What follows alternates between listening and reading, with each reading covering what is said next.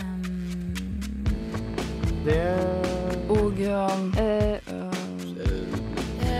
Eh, etter hvert. så um, og Emneknaggen. Emneknaggen. Studentenes debattprogram på Radio Nova. Uh, Radio Nova Kvalitetsreformen er en fiasko, sier leder i Norsk studentorganisasjon, Ola Magnussen Rydje. Den eh, var nødvendig, det sier Høyre. Og studentene de møter motstand når de ber om automatisk begrunnelse for karakterer på Høgskolen i Oslo og Akershus. Uh... Emneknaggen. Du hører på emneknaggen eh, Studentenes debattprogram her på Radionova og eh, på DAB og på internett. Mitt navn det er Marie Røsland, og tekniker det er Tobias Vattum. Senere i eh, sendingen så skal vi høre hvorfor Høgskolen i Oslo og Akershus synes det er problematisk at studentene krever automatisk begrunnelse for karakterer. Men først så skal vi eh, til det, noe om det som noen omtaler som en fiasko. Kvalitetsreformen. Kvalitetsreformen det er en fiasko, det uttaler leder i Norsk studentorganisasjon Ola Magnussen Rydje etter at eh, studiebarometeret var klart forrige uke. Og vi kan begynne med deg, da, Ola Magnussen Rydje, hva er leder i Norsk studentorganisasjon. Hva er det med kvalitetsreformen, og ikke minst tallet som kom fram forrige uke, som får deg til å si dette? Eh, Vi kan begynne med da å si to ting som lå til grunn for kvalitetsreformen da den ble innført. Eh, Det ene var at det skulle være mulig å være heltidsstudent. Eh, Det er det jo helt åpenbart ikke i dag med den studiestøtten og økonomiske, de økonomiske rammevilkårene som studenter har. Så var det at veiledningen og rådgivningen og oppfølgingen av studenter skulle bli omtrent revolusjonert. Det skulle bli veldig mye bedre. Eh, noe vi ser at den ikke har blitt. Og det er jo det studiebarometeret viser, at eh, studenter er veldig misfornøyd med oppfølgingen og veiledningen de får, eh, etter at vi nå har brukt veldig mye penger og har hatt ganske klare økonomiske insentiver for å skulle belønne kvalitet. Men så ser vi at det ikke har fungert, og da kan vi nesten ikke gjøre noe annet enn å kalle akkurat den delen av reformen i hvert fall for en fiasko. Eh, Charlotte Spurkeland, eh, du eh, er stortingsrepresentant og formann i Høyres studentforbund. Og hva er det da Er premisset for kvalitetsreformen feil, sånn som Ola påpeker her? Nei, jeg må jo begynne med å si at jeg har lest den kritikken som NSO har kommet med. Og selv om jeg kan være enig i noen av de betraktningene som de har, så vil jeg nok ikke betegne hele kvalitetsreformen som en fiasko. Eh, og da må man begynne liksom å se på hvorfor hadde man kvalitetsreformen. Hvis man så på altså begynnelsen av 2000-tallet, 90-tallet, så hadde man da åpne studier, man hadde veldig lang gjennomføringstid. Og ja, graden av studenter som fullførte sine studier på noe mer tid, var mye lavere enn hva den er i dag. Så sånn sett så kan man jo si at man har oppnådd ganske mye med kvalitetsreformen. Og grunnen til at man fikk kvalitetsreformen, var jo først og fremst for at man skulle få bachelor- og mastergrader, sånn som man har i utlandet. Eh, vi har endret på strukturen. Eh, I tillegg så hadde man som mål å øke intensiteten. Det har man jo gjort. Det er mye mer veiledning og oppfølging av studenter i dag enn hva det var tidligere. Unnskyld. Og så i tillegg så er det økning av kvaliteten i utdanningen. Selvfølgelig vanskelig å måle, men jeg tror man er godt på vei. Men eh, nå må du skille mellom eh, gjennomføringen eh, og eh, produsering av poeng, for ifølge tall fra SSB så har um, antall eh, frafall økt med 11 prosentpoeng på ti år. Eh, Du hadde en kommentar, Ola. Ja, jeg vil bare si det at eh, noe av det eh, som Spurkeland drar opp, blir, eh, blir litt feil. fordi hvis vi ser på hva slags, eh, hva slags premiss som ble lagt for en del av de kvalitetsbedrende virkemidlene som vi skulle ha, og hadde satt de i grunnskolen og sagt liksom som, hvordan ville dette se ut hvis noen hadde foreslått det for grunnskolen med flere elever per lærer, mindre tid for læreren i klasserommet, eh, mindre penger per elev enn resten av eller en, en gjennomsnitt i OECD, så hadde folk steila. Eh, Det som har skjedd i høyere utdanning, er nettopp det her. Vi har fått mindre tid sammen med, med eh, faglig ansatte, og vi bruker mindre penger per elev enn resten av, eh, per student enn resten av OECD-snittet. Eh, Og det vi ser, er at det åpenbart ikke har ført til at vi har fått, eh, fått noe nevneverdig bedre kvalitet. Eh, Martin Henriksen, eh, stortingsrepresentant for Arbeiderpartiet. Ditt parti har eh, sittet i posisjon åtte av de ti årene reformen har vært en realitet. Vi kan gå tilbake til begynnelsen. Er det var premisset for reformen riktig?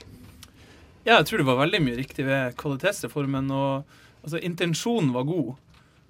Og da den kom, så var også studentene fornøyd med det. Men på spørsmålet liksom, er kvalitetsreformen vellykka, eller så er jo han Ola Rydje, som er leder i NSO, han jo, kvalifiserer jo til tittelen norgesmester i spissformulering når han kaller, han kaller det en fiasko. Han er veldig god det representant for studentene. men dere i Arbeiderpartiet mener dere det er en fiasko? Altså Mitt svar på det vil være om kvalitetsreformen har lykkes eller ikke. Så vil mitt svar, svar på det være et klart og tydelig tja, delvis. Altså, eh, mange ting med kvalitetsreformen var gode intensjoner som ikke ble fulgt godt nok opp. Eh, men så har også mye fungert. altså Nye evalueringsformer, flere innleveringer, hjem, eh, hjemmeeksamener. Du slipper hele stresset med at liksom én eksamen eh, på slutten av året skal måle alt du har gjort i løpet av ti måneder. Og så ser vi også at det blir flere studiepoeng som vi da ikke skal blande nødvendigvis med gjennomføring. Men det er helt klart at det er utfordringer, og et av de tydelige tegnene på det er jo når studentene sjøl blir spurt om de er fornøyd med oppfølginga. Da svarer 38% ja. Altså det store flertallet er ikke godt fornøyd med eh, oppfølginga. Eh, Og da sier det meg det at selv om vi har brukt veldig mye mer penger på høyere utdanning de siste årene vi har brukt, altså det, det har skjedd en liten revolusjon siden 2000, og vi har fått 60 000 flere studenter. Vi har brukt mer på studentboliger. Eh, Så har vi ikke klart å gjort det samme gode jobben med kvalitet. Og Da tror jeg vi skal stoppe opp og si eh, de gode intensjonene i kvalitetsreformen har vi ikke klart å følge godt nok opp, og da må vi tenke nytt. Eh, Charlotte, du hadde en kommentar. Ja, jeg er jo helt enig i at uh, her må man uh, fortsette å utvikle denne reformen. Altså Det skal ikke være sånn at man, er, man legger en statisk reform, og så ligger den i ti år.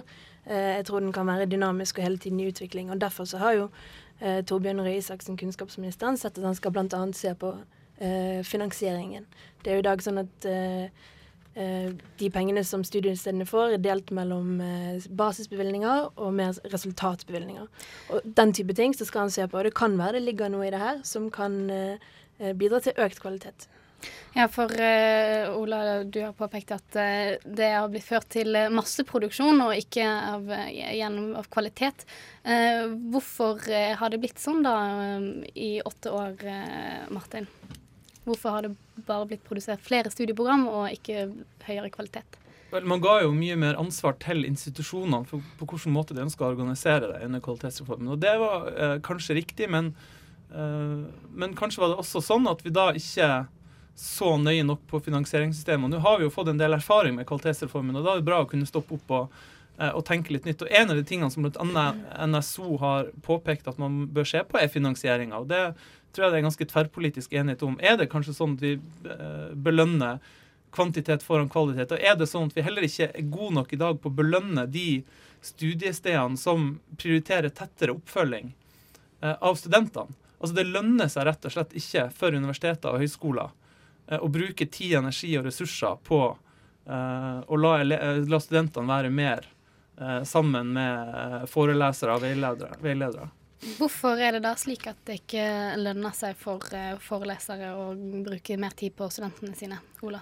Nei, vi ser i dag at det er jo forskningsmidlene som er mye av det institusjonen eh, tjener penger på, å, eller altså de søknadene som institusjonen tjener penger på å bruke tid på. Eh, og hvis du har én time til overs, så sier jo veldig mange forskere at de eh, den timen bruker det heller på å skrive en søknad enn å bruke på å forbedre undervisningen sin eller bruke på veiledning og oppfølging. Og her er vi tilbake igjen på de økonomiske insentivene. Eh, og det er helt riktig som eh, eh, begge sier her, at det er finansieringssystemet det er noe det er galt med. Og akkurat den biten som eh, var det økonomiske insentivet for å belønne kvalitet, det har helt åpenbart vært en fiasko. Og så er det riktig som Charlotte nevner med at vi har eh, altså det med at vi har fått et eh, harmonisert karaktersystem, det at vi har gått over til kortere grader. Gitt til grunn at vi skulle få mer oppfølging og veiledning. altså Vi kan ikke bare kutte et år og si at nå skal dere gjøre det, det samme på kortere tid uten å gi mer. Eh, Så er dette veldig gode ting, da. Vi er jo helt for det, men vi mener at den eh, den kvalitetsbiten ikke har blitt godt nok fulgt opp. Og studentene selv sier jo at, det, at de er veldig misfornøyde med det. I tillegg så kommer jo med kvalitetsreformen også NOKUT. Altså det som gjør at vi faktisk kan måle kvalitet. Uh, og det er jo kanskje den største nyvinningen til, uh, til kvalitetsreformen. Og også det at man nå får mer søkelys på studentbarometer og lignende. Uh, lignende målebarometer, sånn at vi faktisk vet hvordan kvaliteten er. For det var et problem før at man synset mer. Nå har vi mer tallgrunnlag og kan si Men har kvalitetssikringssystemet fungert? I 2007 ble reformen evaluert, og da viste det seg at det ikke var noe som tydet på at det fungerte. Eh, Ola, du har en kommentar. Ja, vi ser jo nå at uh, NOKUT går jo gjennom og sjekker universitetene og høyskolene for akkurat der. Og NTNU fikk jo underkjent nå for et år siden omtrent sitt kvalitetssikringssystem, og fikk et halvt år eller et år på på å prøve å rette opp igjen i det. Så det er helt klart at NOKUT har spilt en viktig rolle. Men noe av det som har vært vanskelig, er at man har lagt et minimumskriterium for hva som skal være hva som skal være greit nok for å opprette et studieprogram. Uh, man har opprettet et studieprogram som man vet er veldig billig å holde i drift. Man tjener veldig mye penger på det. Og man har brukt tid på å få gjennom studenter istedenfor å følge de opp. Og det ser vi f.eks. fra Eh, de nye, eller de unge universitetene, som det liker å bli kalt, at der har vi fått flere studiepoeng totalt, men vi har fått færre per student. Eh, og det sier noe om altså, eh, studentenes mulighet for å fullføre graden sin på heltid og for å produsere de poengene som de skal gjøre. Men hvorfor har det vært sånn at det har vært lønnsomt å opprette flere og flere studieprogram, da? Det har jo vært pga. finansieringssystemet, og jeg mener at det er antageligvis en skjevhet vi må rette på nå. Nå er det sånn at det kommer til å komme mange prosesser i høyere utdanning framover om finansiering, om struktur av høyere utdanning, uh, og langtidsmelding om høyere utdanning og forskning. Og da mener jeg at vi må, fra Stortinget og regjerings side, sørge for at vi har med studentene sitt perspektiv i all den jobbinga som foregår der. Og så syns jeg vi skal gjøre to ting til. Det ene er at vi trenger mer kunnskap om hva som uh, gjør at vi får bedre gjennomføring i høyere utdanning. Så trenger vi stortingsmelding om kvalitet i uh, høyere utdanning. Det ble foreslått i forrige periode, nå er den trukket tilbake. Jeg håper regjeringa vil si at de nå skal lage det likevel. Uh, du nikker veldig med der, Ola. Du har flere ganger også her hos Radio Nova påpekt dette med finansieringssystemet. Men sånn som dere ser det, hva er det som gjør at man kan belønne kvalitet, da? Det vi må gjøre, er å gi institusjonene et større handlingsrom for å kunne bruke på Eh, studiekvalitet og oppfølging og veiledning. Eh, det betyr at de må få mer i basisbevilgninger, og vi må gjøre det insentivet som belønner gjennomføring, mindre. Eh, samtidig så kan vi også se på muligheten for å enten øremerke midler som skal gå til kvalitetsoppfølging, eller vi må omprioritere en del av de pengene vi bruker allerede i dag. Det er ikke nødvendigvis sånn at vi trenger å pøse på med, van med vanvittig mye mer penger, selv om basisbevilgningene må helt klart økes, og det har jo også regjeringen lovt. Så er det sånn at vi antageligvis kan bruke pengene litt annerledes. Så her kommer strukturmeldingen som Martin nevner inn. Og så etterlyser vi også nå at man Eh, setter i gang en, eh, med en kvalitetsmelding.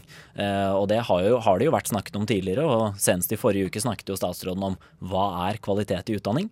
Og her har man en gyllen mulighet til å faktisk si det fra statlig hold om hva man mener det bør være. Men tilbake inn til kvalitetsreformen. Er det noe som kunne vært gjort annerledes da den kom i 2003, Charlotte? Et innspill som jeg kommer på helt umiddelbart, er jo den funksjonen NOKUT har. Som har vært veldig differensiert og hatt ansvar for masse forskjellige ting. NOKUT kunne vært mye mer spisset og satt inn mer ressurser på nettopp å følge opp uh, kvalitet. For nå ser vi at det går veldig lang tid mellom når de ja, tar en gjennomgang av de ulike institusjonene. Der tror jeg den nye regjeringen bør virkelig se på å spisse NOKUT sin, sitt mandat. Eh, og så må jeg si det er jo interessant å, å høre Arbeiderpartiet mene at eh, her er det mye som kan gjøres, og vente på meldinger og slikt, men uh, det har da gått åtte år uten at så fryktelig mye har skjedd. Men jeg er veldig glad for at kunnskapsministeren nå varsler, varsler, at det skal gå gjennom både struktur og finansiering, og generelt lage en langtidsplan. Men hva kunne Arbeiderpartiet gjort da i posisjon i åtte år? Nei, jeg mener de burde sett på nettopp disse tingene på NOKUT, på veiledning, på finansiering. Dette er ting som kunne vært eh, revidert underveis. Eh, selv om man lager en reform, så betyr det ikke at den trenger å være så statisk som den har vært i åtte år.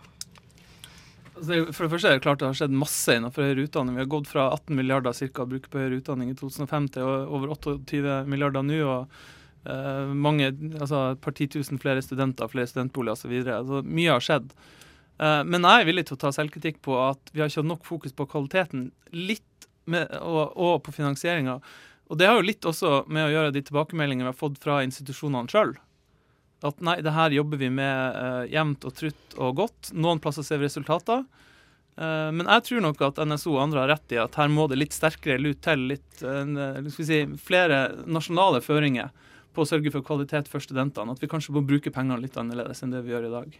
For Med kvalitetsreformen så ble jo det mer frihet til institusjonene. Er det feil? Nei, ikke nødvendigvis, men de har fått frihet innenfor ramme.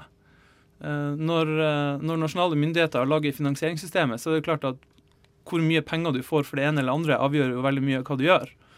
Eh, og da ser vi at intensjonen f.eks. bedre oppfølging av studenter bare delvis har funka, bl.a. fordi at det ikke lønner seg eh, godt nok med kvalitet i oppfølginga. Takk til dere, eh, Martin Henriksen, stortingsrepresentant for Arbeiderpartiet, Ola Magnussen Rydja, leder i Norsk studenttradisjon, og Charlotte Spurkeland, stortingsrepresentant og formann i Høyres studentforbund. Vi skal over til eh, motstand mot automatisk begrunnelse for karakterer på Høgskolen i Oslo og Akershus eh, om litt her i emneknaggen på Radio Nova. Radio Nova. Studentparlamentet ved Høgskolen i Oslo og Akershus har eh, oppfordret alle studenter til å be om begrunnelse for karakterene på sine eksamener. Eh, og de jobber for å få innført automatisk begrunnelse for eh, alle eksamenskarakterer. Men dette det møter eh, motstand fra de ansatte på høyskolen. For bl.a. instituttleder ved Institutt for økonomi og administrasjon. Hun sier dette er ugjennomførbart, og at det vil gå utover andre områder som forskning og undervisning. Og studiedirektør Marianne Bratland, hvorfor er det problematisk? Aller først har jeg lyst til å si at vi er jo veldig for at studentene skal få tilbakelæring på oppgavene sine. Det er viktig, og det er vi opptatt av. Så er det mange måter å gjøre det på, og automatisk begrunnelse er én måte som man kan gjøre det på. Men hvorfor blir det påpekt av eh, ansatte og instituttledere her, da, så at dette er problematisk? Eh, det som jeg tror ansatte og eh, tilsatte ved høyskolen er usikre på, er jo hvorvidt ressursbruken det vil medføre, hvis man skal gjøre det på en ordentlig måte, er forsvarlig i forhold til hvor mye midler og ressurser man må bruke på det. For vi vil jo gjerne gjøre det ordentlig, slik at det gir mening og gir god tilbakelæring til studentene hvis de skal gå inn i et sånt uh, opplegg. Hvor mange timer går det med på da å skulle gi eh, begrunnelse nå når eh, så en stor del av studentene på høyskolen ber om begrunnelse på karakterene sine? Jeg har ikke regnet på tidsestimater, men eh, ved høyskolen så har vi ca. 90 000 ulike besvarelsestyper i løpet av et år. Og eh, det er ganske mye. Så, så fort man begynner å regne, regne, på det, så ser man at det er ganske ressurskrevende. Og jeg tror at det er mange andre måter som man kan tilbakelære til studentene på, bl.a. ved å f.eks. sette opp en forelesning etter at man er ferdig med eksamen. og Man gjennomgår hele eksamensopplegget. Susanne Norgård, eh, fagpolitisk ansvarlig ved, i studentparlamentet på, ved Høgskolen i Oslo og Akershus. Eh, hvorfor vil studentparlamentet at det skal være automatisk begrunnelse på karakterer? Jo, eh, Studentparlamentets vedtatte politikk er jo at vi ønsker automatisk begrunnelse, nettopp fordi det fører til økt læringsutbytte for studentene etter en avholdt eksamen. Men ser du at det, det er ugjennomførbart, eh, sånn for å sitere denne instituttlederen? Ja, jeg ser jo at, eh, at det krever mye ressurser. Absolutt. Men, eh, hva, men du nevnte du er for Marianne Bratland, du er for at det skal være begrunnelse på karakterene.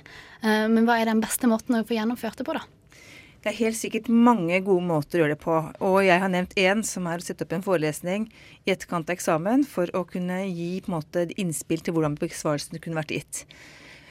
Så det er også sånn at uh, å ha automatisk begrunnelse til alle studenter, det er så krevende at vi tror at hvis det skal kunne gjennomføres, så vil man måtte gå inn på et opplegg hvor begrunnelsen blir nokså korthugde tekster og korthugde tilbakemeldinger som kanskje ikke gir den fulle tilbakelæringen som man kan få ved f.eks. å sette opp en forelesning eller samle grupper for å gjennomgå oppgaver.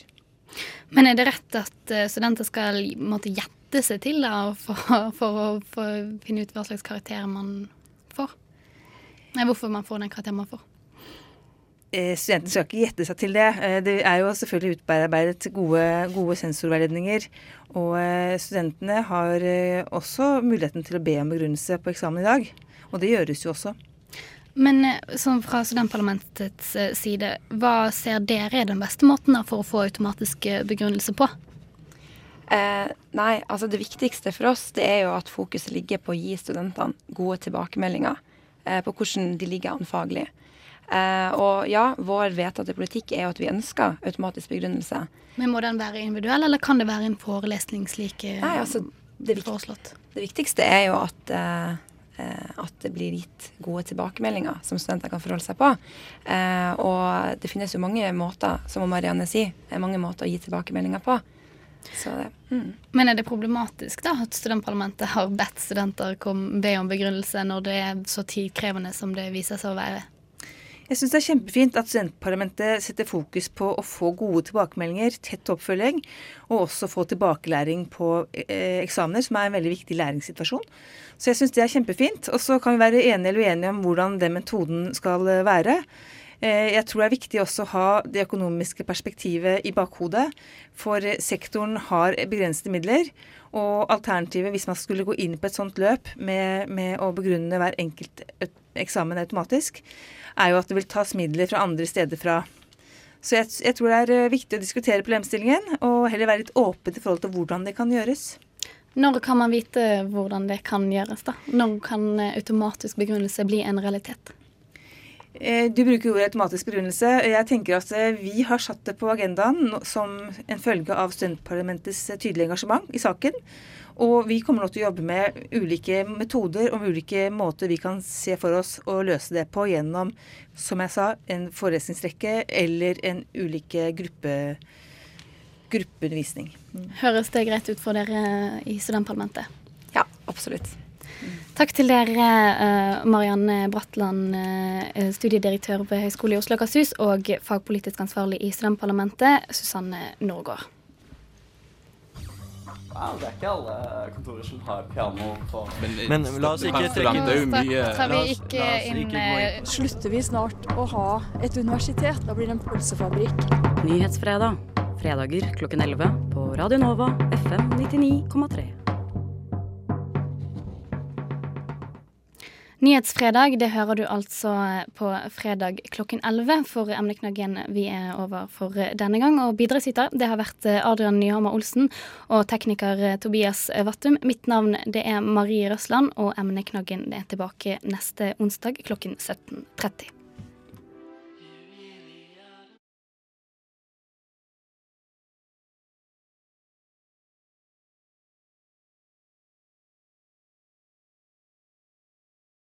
Um, uh, emneknaggen.